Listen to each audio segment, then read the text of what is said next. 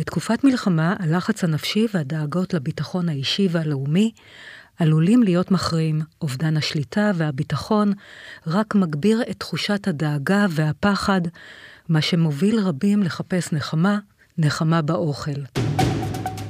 אתם מאזינים למשחקי בריאות עם דן ארון ופרופסור איתמר רז. כולם יודעים שבבריאות לא משחקים, אבל יש כאלה שכן. השלכות המלחמה חורגות מתחום הלחץ הפסיכולוגי. בתקופות כאלה אנחנו נחשפים לטראומות רגשיות ופיזיות שעלולות להוביל להשפעות ארוכות טווח על הבריאות שלנו. הרמות הגבוהות של המתח שאנחנו חווים עלולות לשבש את מערכות ההורמונים של הגוף, וכתוצאה מכך לגרום לשינויים ברמת הקורטיזול, הידוע בכינויו הורמון הלחץ, שמוביל להגברת החשק לאכול ובעיקר מזון מעובד ולא בריא. מתחילים.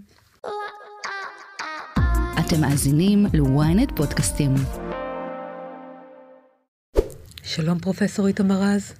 שלום דנה, ימים קשים, אבל אנחנו רוצים uh, לקחת אותם למקומות שנעזור ונחשוב עם אנשים איך, איך לעבור אותם יותר בקלות. אז כל הלחץ, כל הסטרס, כל העובדה שאנחנו תקועים בבית, לחלקנו אין עבודה, חלקנו יצאנו, יצאנו לחל"ת, חלקנו אין, אה, אין, אין, אין אפשרות בכלל לפתוח, כי זה אזורים של התקהלות וכולי. בקיצר, מאלף ואחת סיבות שבהם אנחנו תקועים בבית מול המסכים, ומתמלאים עוד יותר ועוד יותר חרדה וסטרס וצער, וכואב לנו כבר בלב. וכל הדברים האלה מובילים אותנו לאכילה רגשית. יש כאלה שזה גורם להם לסתום את הפה לגמרי, לא מסוגלים להכניס גרגר לפה, ויש כאלה שזה בדיוק ההפך, שהמקרר הופך לטלוויזיה, ואיך אני אומרת ליריב, אני מאלה, אני הפכתי לבלנדר אנושי. זה ממתוק לענבים, מענבים לעוף בגריל, מעוף בגריל לעוגת גבינה. מערבבת בין הכל. מרק. ומרק, שהבאתי לך אתמול. נכון. איך היה המרק? היה, היה מצוין. כן, כן, קצת לחמם את הנפש. נכון. הפודקאסט נעשה באופן בלתי תלוי וללא השפעה על התכנים, כשירות לציבור על ידי חברת נובו נורדיסק. אני רוצה לדבר איתך, פרופסור רז, על השמנה ומלחמה, ולשם זה הזמנו פאנל מכובד אה, שיעזור לנו ויעזור לצופים ולמאזינים שלנו דוקטור אורן טנא, מנהל המכון הפסיכיאטרי באיכילוב, ומנהל מכון מנטליקס. שלום, היי, דוקטור טנא. ופרופסור אולגה רז, תזונאית קלינית ומרצה בכירה באוניברסיטת אריאל. שלום לך, שלום. פרופסור רז. בואו נתחיל עם עומס רגשי, נפשי, אה, שמוביל אותנו למקרר. אני מדברת עכשיו על אכילה רגשית, אחרי זה נעסוק גם בכאלה שלא מסוגלים להכניס גרגר. מי רוצה להתחיל? אני יכולה כן, להתחיל? כן, בבקשה, okay. פרופסור קודם כל, הביטוי אכילה רגשית לא מתאים פה. אני בכלל לא אוהבת את הביטוי הזה, אני מקווה שאתם מסכימים איתי. אה, אם מישהי, אני לא מדברת עכשיו על המצב הנוכחי, תכף אני אסביר. מישהי באה מעבודה עייפה, מתחילה לפתוח את המקרר כמו שאת מתארת, mm-hmm. ואחר כך אומרת לי, אני עליתי עשרה קילו במשקל בגלל שיש לי אכילה רגשית. אין לזה שום קשר למצב שאנחנו נמצאים עכשיו. מה שקורה עכשיו זה נקרא stress eating. אכילה כתוצאה מסטרס. כי סטרס הזה לא בגלל שמישהו עצבן אותי, אלא בגלל שיש מלחמה וזה סטרס אמיתי וסטרס אובייקטיבי, וכמו שאמרנו, זה עלייה בקורטיזון, עלייה בהורמון גרילין שמופרש בקיבה וגורם אכילת יתר, הגרילין, הקורטיזון גם לא רק גורם לתיאבון מוגבר, הוא גם גורם להיווצרות של רקמת שומן, במיוחד שומן בבטן, מעלה את הסוכר, מעלה את האינסולין. אינסולין עולה, אנחנו עולים במשקל.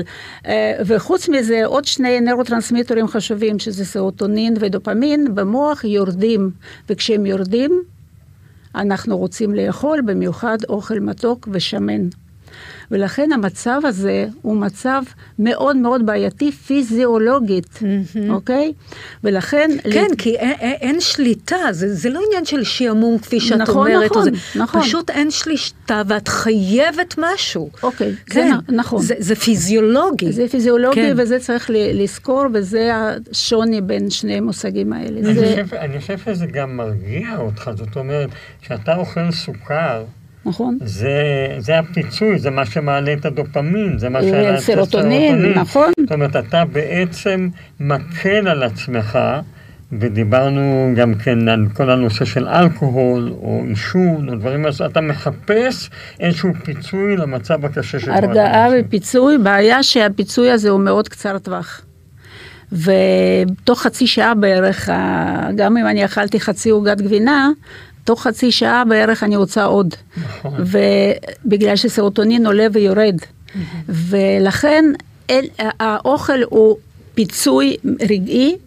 אבל כל הזמן, אבל כל, אבל כל הזמן, זה כל כאילו הזמן, כמו איזה. מפלצת שאת צריכה כל הזמן ב- להזין אותה. דרך אגב, כן. גם האינסולין שאת כן. הזכרת אותו, אינסולין זה מעורר תיאבון. נכון, וגורם להשמנה. וגם הוא עולה מאוד נכון, ויורד נכון, מהר נכון. מאוד. אז יש לך מין רכבת כזאת שאתה כל הזמן צריך ל- לפצות את עצמך. נכון. מעבר לצד הנפשי, אולי נשמע אחר כך מדוקטור אורן, שיש פה גם צד אה, נפשי.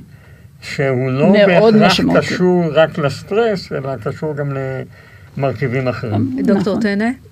אז אה, אני חושב שבאמת מעבר להיבטים הפיזיולוגיים, יש גם אה, משהו שהשתנה מאוד בחיים של אנשים, וזה המסגרת הרגילה שלהם. את ציינת בפתח הפודקאסט, שלחלק מהאנשים לדוגמה אין עבודה. אז ברגע שמשתנה באמת משהו בהרגלי החיים שלנו, בתבניות החיים שלנו, אז גם הנושא של הארוחות אה, בזמנים קבועים, שמונעים הרבה פעמים את הזלילה בין הארוחות, את הגישה למקרר. בכלל, אני, אני לדוגמה, שאני בעבודה, אין, אין לי מקרר עם אוכל לצורך לא, העניין. וגם- הזמינות. אתה אומר, אז הזמינות. וגם זמינות וזה- ארוחות מפצות, גם ארוחות אני עוד רגע לא מדבר אפילו על הפיצוי, אני מדבר, זה, זה כבר, אני מסכים מאוד עם פרופסור אה, אולגה הבת. אה, אולגה רז, כן. ש- שאני מסכים איתה שאני לא אוהב את המושג אכילה רגשית. אכילה הרבה יותר מ... היא בוודאי קשורה למצבים גם נפשיים כאלה ואחרים, אבל אכילה היא הרבה יותר משהו גנטי, ביולוגי, פיזיולוגי, מאשר אה, משהו ש... ש... אני, אני, כי זה, בקצה של אכילה רגשית יש בעצם האשמה, האשמה של שמנים בזה שהם השמינו. ולרוב זה ממש, זה ממש לא המצב. אבל אה, אני אומר שהיעדר התבנית, השבירה של התבניות ושל המסגרת, גם תורמת לזה שהתבנית של האכילה שלנו משתבשת. למה, אה, פרופסור אה, איתמר רז, אני רוצה לדעת למה, אבל יש לנו משיכה ל junk food. ל- ל- לכל מה ששמן, מה לצ'יפס. לא בא לי לאכול עכשיו תזונה ים תיכונית שאני בבית. נכון. כן. מורכב משני דברים. הוא מורכב מהרבה מאוד סוכר, וגם הרבה פעמים מהרבה מאוד שומן.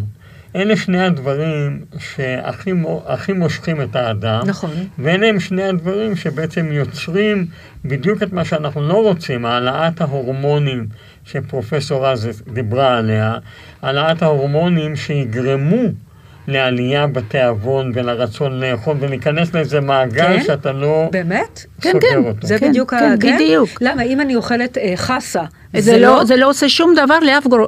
לאף הורמון, לא עושה. לא לוקחים את הירקות כארוחה.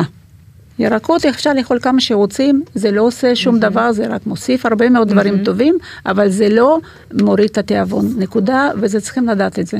יש את המושג של הערך הגליקמי, שאולי שווה להזכיר אותו, שבאמת אה, מזונות ש, שהם אה, אה, מתפרקים בקלות לסוכרים, בעיקר פשוטים, אז באמת מביאים לסרג', לעלייה מאוד גדולה של אינסולין, ש, ש.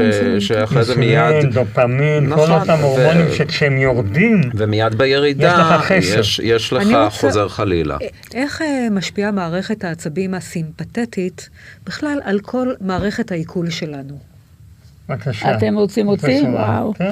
כולם אה, פה שפיצים, אז כולם מה- כזה ג'נטלמנים. מערכת העיכול, יש לה תפקיד מאוד חשוב ב- בהשפעה על הגוף שלנו ועל הורמונים. כן. במערכת, אה, במערכת העיכול במעי יש חיידקים שיושבים שם, והם מאוד משפיעים על הבריאות שלנו. מעי מפריש אותו סרוטונין שמפריש המוח בכמות הרבה יותר גדולה. ולכן, וחוץ מזה, אותו הורמון גרלין שמופרש על ידי, ה, אה, על ידי הקיבה, mm-hmm. הוא פשוט גורם לתיאבון מטורף. הוא עולה וגורם לתיאבון מטורף. אה, אם אנחנו נדבר על מה לעשות, אז אני קצת אה, אדבר על איך אפשר בכל זאת לאזן כן. את הדברים האלה. בדיוק. איך אפשר לרסן? בול המילה. קודם כל, קודם כל, לא למלא את המקרר וכל אותם הדברים שאחר כך אנחנו בוכים שאכלנו אותם. ושוב, אני אומרת שיש פה שני, אני, יש לי שתי גישות. גישה אחת, צודקת. מלחמה, תאכל מה שבא לך. אחר כך נחיה ונראה. אחרי זה... והגישה השנייה, סליחה שאני אומרת את זה, כמו שלא לא דאגו בזמן למצב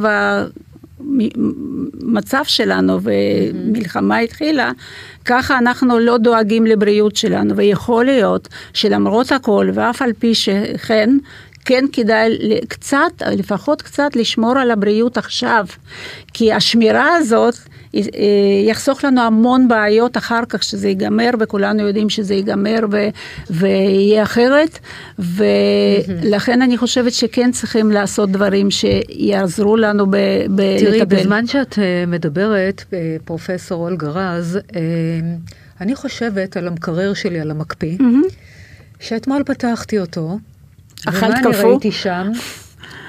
ים, ים של טילונים וקסטות את האמקור הזה, את יודעת, שאני חולה עליו עם העוגייה, ואני ישר אמרתי, יריב, למה קנית את זה? אני חולה על זה, ועכשיו אני, אני לא אוכל להתאפק. נכון. ואז הוא אומר לי, דנה, תקשיבי, אם אני לא קונה את זה, את זוכרת לפני כמה ימים?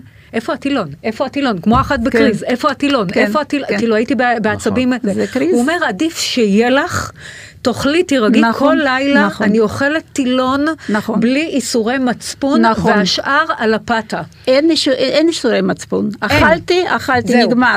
נחיה ונראה. בדיוק, נכון. בטח בתקופה לגבי הזאת. לגבי איסורי מצפון, כן. כן, אני בכל זאת פחות בעד הגישה הראשונה של, של לאכול מה שרוצים כרגע, כי, אני, כי חלק ממה שאני מאוד מתאמץ לעשות עם אנשים, עם מטופלים וילדים ולא מטופלים כאחד, זה לשמר, כן, את השגרה. והאוכל הוא חלק מהשגרה שלנו, ואם אנחנו משדרים לגוף שלנו ולראש שלנו דרך הגוף מסר שהשגרה כל כך מופרת שגם פתאום אני שמקפיד על אכילה כזו או אחרת אוכל דברים אחרים לחלוטין, זה מסר שהוא מאוד מערער אותנו מבחינה נפשית. אז, וגם ילדים. אבל נניח השגרה זה אדם בדיאטה, לא. שכל היום אוכל חסה ובהתאם לתפריט וגבינה לא רזה. אני לא, אומר, השגרה? אני לא אומר שלא, כן. שלא צריך לגלות גמישות, כן. אבל לצורך העניין, ילדים בבית mm-hmm. עכשיו בסטרס, ילד נגיד שמורגל בלאכול קינוח אחד ביום, פתאום נאפשר לו לאכול עשרה קינוחים, לא עזרנו לו. אנחנו רוצים לפצות אותו, אבל לא הילד בטראומה. אבל לא עזרנו, לא עזרנו לו, כי מה בעצם לא עשית לו? את, את, את, את העברת לו מסר לא מודע שהעולם מתפרק, שבמקום להיות הורה יציב ואחראי שנשאר בשליטה, שהכל מתפרק, שהמסגרות מתפרקות. לא רק שהוא לא הולך לבית ספר, אלא גם שהוא אוכל כל מה שהוא רוצה, עוד, ולא רק זה, אלא שיש כן. לו גם סקרין טיים כמה שהוא רוצה, כן, לצורך העניין, אם כן. תוסיפי לו. אז אנחנו חשוב שנשמור על הגבולות והמסגרות בגמישות מתחייבת. אני לא אומר עכשיו שטילון לדוגמה מס... בלילה נראה לי סבבה לצורך העניין, זה גמישות. אבל טילון כל חצי שעה זה כבר משהו נכון. אחר, זה בדיוק זה. אמרתי יש, על... אולגה, יש דבר שאת כן. העלית, סליחה פרופסור, כן. יש דבר שאת העלית בצורה מאוד נכונה באכילה. ברגע שאתה אוכל תכופות, ואתה אוכל אוכל שהוא עשיר בפחמימה ועשיר בשומן, אתה כל הזמן נמצא ברכבת הרים. נכון. אתה עולה ויורד, עולה ויורד. זה גם עם מצבי הרוח, זה גם עם יכולת השליטה. אתה מאבד לחלוטין את יכולת השליטה שלך. ומה שאומר נכון דוקטור טנר, שמאוד מאוד חשוב לנו, לנפש, לחשיבה, להורדת החרדה, זה יכולת השליטה. הפודקאסט נעשה באופן בלתי תלוי וללא השפעה על התכנים, כשירות לציבור על ידי חברת נובו נורדיסק. אין לנו כל כך שליטה עצמית? אני רוצה אבל כן. להתחיל דווקא במשהו אחר. אני מבין שזה דבר חשוב, אני רוצה להתייחס לשאלה ששאלת קודם, על ההשפעה של מערכת העצבים הסימפתטית כן. על האכילה. יאללה. בגלל שמערכת העצבים מאוד משפיעה על היכולת שלנו לאכול. אם אנחנו מתייחסים למערכת הסימפתטית לעומת הפרסימפתטית, זה בעצם חלק אחד שמלחיץ אותנו, מכין אותנו למנוסה או למלחמה, וחלק אחר שמרגיע אותנו. כשהחלק של החרדה מאוד פועל ומאוד חזק, שמלחיץ אותנו, הסימפתטית, אז הפה שלנו מתייבש, ואנחנו דווקא לא יכולים לרוב לאכול. נכון. ואת אמרת בהתחלה שלפעמים אפילו בהתחלה, אה, במצבים של חרדה מתמשכת, אנשים מאוד יורדים במשקל. הם אומרים נכון. לי, הם באים אליי, אומרים לי לפחות דבר אחד, זה גם במצבים של דיכאון, אנשים מאוד יורדים במשקל לפעמים. אז, אז אה, זה גם היבט שחשוב להתייחס אליו, והוא קשור קשר, ישירות, אה, קשר ישיר לפעילות של מערכת העצבים. רק ש... האור- האורגניזם סליחה. בתוך אה, הערעור הסימפתטי לא בנוי לאכול או להתרבות, גם, גם, אין, גם אין חשק מיני כשאנחנו בתוך סטרס כזה גבוה. לעומת זאת, כשהמערכת הפרסימפתטית פועלת, שאנחנו קצת יכולים להירגע, אז אנחנו יכולים, פתאום יש רוק בפה, פתאום אנחנו יכולים לאכול, פתאום אנחנו, אה, זורם יותר דם גם למעי ואנחנו יכולים להקל. אז לפעמים הדברים מתבלבלים, הם מתקשרים זה בזה בצורה פסיכולוגית. אם אני אוכל, אולי אני, אם אני אצליח לאכול, אז אולי אני גם אצליח להרגיע את עצמי. והרבה פעמים זה, זה איזשהו חיבור שהוא לא בהכרח נכון. כן, נכון. יש למעשה שני הורמונים עיקריים, אתה הזכרת. אחד זה ההורמונים הסימפתטיים, כן, אדרנלין, והשני זה קורטיזול. אבל סך הכל ההורמון השולט, שניהם הורמוני חרדה, שניהם הורמונים שבעצם נועדו למצבי אה, אה, לחץ, כן? בעבר אה, האריה היה רודף אחריך, אז היית מעלה את נכון. כל ההורמונים. היום הבנק רודף. אחריך, אתה מעלה את ההורמונים. נכון, כן. היום הבנק, הבנק האזעקות, and או flight המצב. אבל, רגע. אבל כנראה בסיכומו של דבר ההורמון השולט זה הורמון. הקורטיזון. והורמון הקורטיזול הוא הורמון מעורר רעב בין היתר, כמו שאמרה פרופסור רז, וזה נכון. זה הבדל קצת בין סטרס אקוטי לסטרס כרוני, שבאמת אם אנחנו כבר מדברים על מצבים כרוניים, ארוכי טווח, לא אותו תקופה מאוד לחוצה שבה אני יורד במשקל ולא יכול לאכול, אלא אם אני בסטרס מתמשך לאורך זמן באש נמוכה, אז גם הרבה פעמים בסוף כן זה... הקורטיזול פרופסור מנצח. כן, מה יש לך לה- להוסיף? אני הייתי רוצה לשמוע, אבל גם מפרופסור כן. רז, בכל זאת את העצות מה לעשות, כי גם אני כמוך קצת... כן, אוקיי. עם קצת. הולך אז לטילונים, אה, יש, מתחתן עם כ- יש. כמה דברים שאני רשמתי לי ואני אגיד כן. לכם ואני מקווה שזה יעזור. אז קודם כל, צריכים להחליט החלטה. אני רוצה לזלול, או שאני רוצה בכל לש- לשמור על עצמי ולשמור על הבריאות שלי ולשמור על הבריאות של הילדים שלי. בלי החלטה הזאת, שום דבר לא יקרה. דבר שני, אה, חשוב מאוד לקנות דברים כאלה שאני לא יכולה, לא, לא, לא, מפתים אותי עד פה, כאילו, אותם הטילונים שאת מדברת עליהם, אם מישהי אוכלת טילון כל חצי שעה, אז יכול להיות שלא כדאי לקנות את זה. נכון. פרופסור רז גם העלתה את הנקודה של להציג את הדברים. למשל, יש לך מקרר, כן. שים את הדברים המפתים במקום שלא רואים אותם. כן, הופכת למשל. במגירה התחתונה, איפה שאתה שם את הירקות, ושים את הירקות במקום שכל פעם שאתה פותח את המקרר אתה רואה אותם. אפילו לזה יש השפעה שאתה אוכל יותר ירק בפחות. אבל יש עוד כמה דברים. בין שאנחנו ילדים ובין שאנחנו מבוגרים, אנחנו צריכים להסיח את דעתנו. איך אפשר להסיח את דעתנו? למשל בפעילות גופנית. עכשיו, יגידו אנשים, אני, מה, מה, אני אצא מהבית עכשיו? אז יש עכשיו מחקר מאוד מאוד גדול שעשו אה, והראו שאם אתה עושה אפילו שתי דקות ביום פעילות גופנית, כפול חמש, כפול עשר, אתה מוריד ב-30 אחוז את הסיכוי לתמותה או לתחלואה של הלב. בתוך שמונה שנים. אם אתה עושה את זה בין חמש לעשר דקות, אתה מוריד את זה ב-40 אחוז. אם אתה עושה מעל עשר דקות ב-50 אחוז. אז אתה יכול להסביר את הדבר הזה, זאת אומרת, במקום. טילון, שכיבות צמיחה, אוקיי?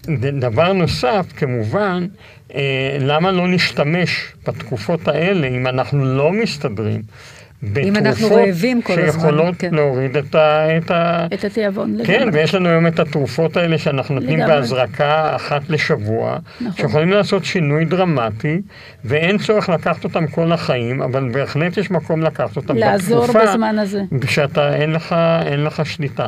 אז פעילות גופנית, כל הנושא שתעסיק את עצמך, תעשה משהו. כן, אל תשב, לשבת מול הטלוויזיה זה לא ממש להעסיק את עצמך. נכון. אז אתה צריך לעשות משהו שהוא חיובי, שהוא יצרני, שהוא עושה משהו, הן בפעילות הגופנית, הן בחשיבה, ואז אתה הרבה פעמים יכול לעזור לעצמך, וכמובן את ההחלטה שאת אמרת, נכון. פרופסור רז, שאתה גם צריך לעשות החלטה, אני לא רוצה כל הזמן לרוץ למקרר, אבל אתה מקל על עצמך מאוד בעזרת הדברים האלה. יש עוד דבר מאוד, מאוד עוזר, לי זה עוזר וזה עוזר להרבה מטופלים שלי. אה, אני הולכת לקחת אוכל, פעם, פעם, עוד פעם ועוד פעם, אני שואלת את עצמי, אני רעבה עכשיו? ואני אומרת בקול רם, אני לא רעבה. ואת פתאום מרגישה שאת כן. לא רעבה. זה נכון? זה יכול להשפיע, כן. זה יכול ממש ממש להשפיע בצורה מדהימה. ועכשיו עוד דבר, שאתה אמרת, אבל אני רוצה להדגיש את זה, שאתם שמים אוכל, לאכול אוכל רק מצלחת, או מכלי כלשהו מוגבל. זאת אומרת, צריכים להסתכל על האוכל, להסתכל כמה שמתי, מה יש לי בפנים, ולאכול את זה, רק את זה, לא את כל מה שיש מסביב. ומי שמסתכל טלוויזיה, וכולנו מסתכלים עכשיו טלוויזיה, חוץ ממני, אה, אני מכורה, מכורה לא- ובטוויטר ובחדשות. אבל את מכניסה את עצמך לסטרס קשה. נכון, בגלל זה לקחתי כדור להרגעה לפני דקה. סטרס קשה גורם לך לרעב יתר. אז את נכנסת לאיזה מין מעגל. אז אתה יודע מה, אה, פרופסור רז? אני רוצה גם לדבר איתך על זה, שסטרס קשה גם סוגר לאנשים את הפה. מאוד. בוא נדבר רגע על זה. בבקשה. כן. אז אני, אני אולי רק אגיד משהו בהקשר הזה. אני רוצה גם להגיד שבכל זאת, אה, העצות של אה, איך להתמודד עם אכילת יתר הן חשובות, אבל חשוב גם שנסתכל הרבה פעמים על האכילה כעל סימן לדברים שמתחוללים בנפש. אה, אנחנו יודעים שהאכילה מאוד קשורה למצבים של אה, דיכאון. לרוב אנחנו נראה אנורקסיה, היעדר אכילה, ירידה במשקל בדיכאון, ולפעמים אבל כן נראה בדיכאון הטיפי אכילת יתר, היפרפגיה זה נקרא, ואז אנחנו דווקא רואים אנשים שעולים במשקל במצבים של דיכאון. אבל חשוב לשים לב לזה, אפילו נגיד אצל ילדים, כי אצל ילדים הרבה פעמים פחות יש להם יכולת לתווך איך שהם מרגישים, והשינוי שנראה אצלם, בין אם הם בסטרס, בחרדה או אפילו בדיכאון, יכול להתבטא דרך האכילה. דיברנו בפודקאסט נכון. אחר שיכולים להיות עצבנים יותר, אבל זה לא תמיד יהיה עצבנות. הדרך שבה כל ילד מביע לפעמים מצוקה היא שונה. מה עושים ובהחלט... עם ילד שסוגר את הפה ואומר, אמא, אני לא רעב, לא משנה מה תביא לו, אולגה, פסטה, אה, אה, פרופסור רז, אה, שוקולדים, פיצות, הוא לא רוצה לאכול. מה כל, עושים? רגע, זה כל... ברור שזה על רקע נפשי. אנחנו נוטים הרבה פעמים לחשוב... כן, זה מה שקרה רק עכשיו. רק שנייה, אנחנו נוטים כן. הרבה פעמים לחשוב שאנחנו יודעים את התשובות גם אצל ילדים קטנים, ולפעמים ילד יכול, קטן יכול להחליט שהוא לא אוכל מסיבה שהיא לחלוטין שונה. אז חשוב... וכמובן אצל נער, אה, נערות או נערים עם דימוי גוף בעייתי, שבכלל האכילה באמת קשורה, ל, ל, יכול להיות קשורה להפרעת אכילה שמתפתחת. אבל זה כבר אני מדברת על החיים הרגילים, אני נכון. מדברת על המלחמה עכשיו. אז, אז, אז במלחמה כן. אומר פרופסור רז, אני מניח ששני הפרופסורים רז כן. אומרים את זה, שבאמת אם אנחנו מדברים, מישהו באבל אקוטי כרגע, בתוך שבר, ש, שנהרגו חברים שלו או זה, אז הוא אוכל פחות, לא נורא. חשוב אבל דווקא מאוד להגיד לאנשים, ואני אומר את זה לאנשים, ממש היה לי הרבה מטופלים שבאו מהמסיבה בפסטיבל נובה שהיו בעוטף, הם כאילו שוכחים לאכול. כן. ואני מזכיר כן להם, ואני מזכיר להם שהם חייבים כן. לאכול ולשתות. אנשים יכולים להגיע למצבי דהידרציה לפעמים שהם לא אוכלים ושותים. אז חשוב להגיד לאנשים, גם כדי להחזיר תחושה של שליטה לאכול, ועוגן. בכוח להכניס בכוח משהו? בכוח לאכול קצת. לאכול ל... קצת משהו שהם אוהבים. את כן. מבינה, למשל, אותו טילון, כן. כל אחד יכול לאכול גם אם הוא לא נכון. רעב. כוס חלב, כוס שוקו, זה דברים מאוד מזינים. אני רוצה להזכיר כן. עוד שני, שני, שתי בעיות מאוד מאוד שכיחות עכשיו. חוסר שתייה, כמו שאתה אמרת, אנשים לא שותים מספיק, והרבה פעמים אנחנו אה, חושבים, אנחנו רוצים לשתות, ואנחנו בעצם מקבלים את זה כי אנחנו רוצים, כאילו שאנחנו רוצים לאכול. אז ההסבר הזה של לשתות את הכמות המספקת של משקאות, וזה לא משנה מה, זה יכול להיות מים וסודה ותה וקפה, אה, מה, מה, ש, מה שהם רוצים, ואפילו משקאות דיאט, אפשר, אפשר איכשהו להוריד קצת את הדחף לאכילה. נכון. ודבר שני זה שינה. המון אנשים עכשיו לא ישנים. נכון. או לא ישנים בכלל, או לא ישנים טוב. וזה תורם לכל אותם הבעיות שאנחנו מדברים, נכון. סוכרת, יתר לחץ דם והשמנה. מה ו- עושים אבל? מה לא עושים? זה נרדמים. הרופאים כן, אבל- יגידו. אבל- אחד כן, הדברים כן. החשובים להגיד בהקשר של שינה, שבאמת אנחנו, כשאנשים מתקשים לישון, אז אנחנו מאוד מקפידים איתם על היגיינת שינה זה נקרא, ואחד הדברים שלא ללכלך את, את, את הזמן שמוקדש לשינה, זה לא לעשות פעילויות שמתגמלות אותנו, שנעימות לנו במקום שינה, וזה אכילה, זאת אומרת, Mm. כשאנחנו לא מצליחים לישון, מאוד חשוב שלא נלך במקום זה לאכול, כי אז מה שידרנו לגוף? נכון. איזה כיף זה לא או לישון, שלא- אני מקבל את נסתכל- כל האוכל הטעים נסתכל לי. בטלוויזיה. נכון, או שלא נסתכל על האייפון. נכון. אבל אני אגיד לך יותר מזה, עוד פעם. שינה בזמן סטרס, יש כמה דברים. קודם כל, שינה בכלל, אתה צריך את השקט הנפשי לישון. כמה שעות אחד, במצב סטרס? בוא, אל רגע. תגיד לי עכשיו 7-8 שעות. רגע, כמה- כמה זה רגע. נורמלי? אני, לא, הנורמלי זה 7-8 לא, שעות. אז אני לא רוצה, נורמלי רגע, במצב רגע, סטרס. לא? אני, אני זה- רוצה לספר לך זה סיפור. איפה דווקא זה? לא, את מי זה. יושן אני היום רוצה 7-8 לספר לך שעות? סיפור, אני. טוב, איתמר, אתה בן אדם מיוחד, לא, נכון? אני אה, לא מיוחד. אני דווקא? ישן לרוב ארבע שעות. אני אגיד לך מה קרה. כן. יש לנו ממ"ד. זה חדר השינה של הבת שלי שהיא בצבא עכשיו. כן. הקרבית. רחל המאמנת. אז אנחנו ישנים בממ"ד. מה קורה בממ"ד? חושך מוחלט, שקט מוחלט, הכל מוכן כדי שתוכל לישון. אין אור, אין, אה, אין כלום.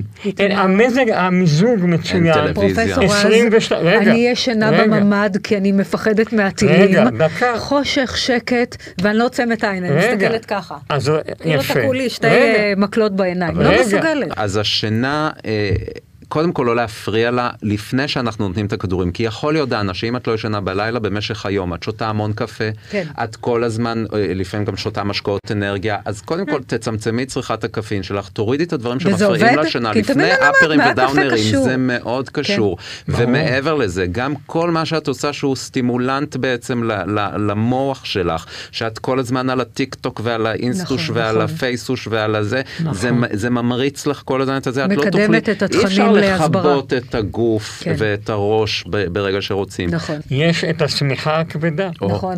והשמיכה כן. הכבדה, השמיכה הכבדה עושה שינוי. מאוד איפה גדול. קונים אותה? היא בממ"ד שלך הספ- כן. השמיכה כן, הזאת? כן. אני דרך אגב לא צריך אותה, אני שם אותה על אשתי. אה. השמיכה הכבדה הזאת, היא, מור- היא, היא מרגיעה אותך, והיא נותנת לך מסאז' איפה ימי. קונים את השמיכה הכבדה? אם את פותחת, אם את, יש דבר כותבת שנקרא, שמיכה כבדה? יש דבר שנקרא גוגל. אם את כותבת בגוגל שמיכה? כבדה, כן. את תמצאי בערך 20 סוגי שמיכות כבדות. מה- מה הסוג הטוב? עלותם, אני חושב שזה הכל אותו דבר. עלותם היא לא. גדולה, ואצל אלה שלא מצליחים לישון זה עושה שינוי מאוד גדול. תודה רבה לך, פרופסור איתמר רז, תודה רבה לך, פרופסור אולגה רז, ותודה רבה לך, דוקטור אורן טנט, פסיכיאטר. עדיין רק דוקטור, כן. אבל בסדר. לא, אבל פסיכיאטר, עצם זה שאתה פה בעת מלחמה, פסיכיאטר לצידי, ונודה לצוות שלנו. לבימאי גידי ישראלי, לטכנאי שרון שדה, למפיקה ניצן כהן, ולעורכת התוכן טל לוין. תודה רבה. הפודקאסט נעשה באופן בלתי תלוי וללא השפעה על התכנים, כשירות לציבור על ידי חברת נובו נורדיסק. תודה שהאזנתם למשחקי בריאות. מדי שבוע מחכים לכם שלושה פרקים חדשים בוויינט, ואתם מוזמנים ומוזמנות לעקוב אחרינו, לקבל התראות לפני כולם, בספוטיפיי, באפל ובכל אפליקציות הפודקאסטים. ואם אתם כבר שם, נשמח אם גם תדרגו אותנו. נתראה בפודקאסט הבא.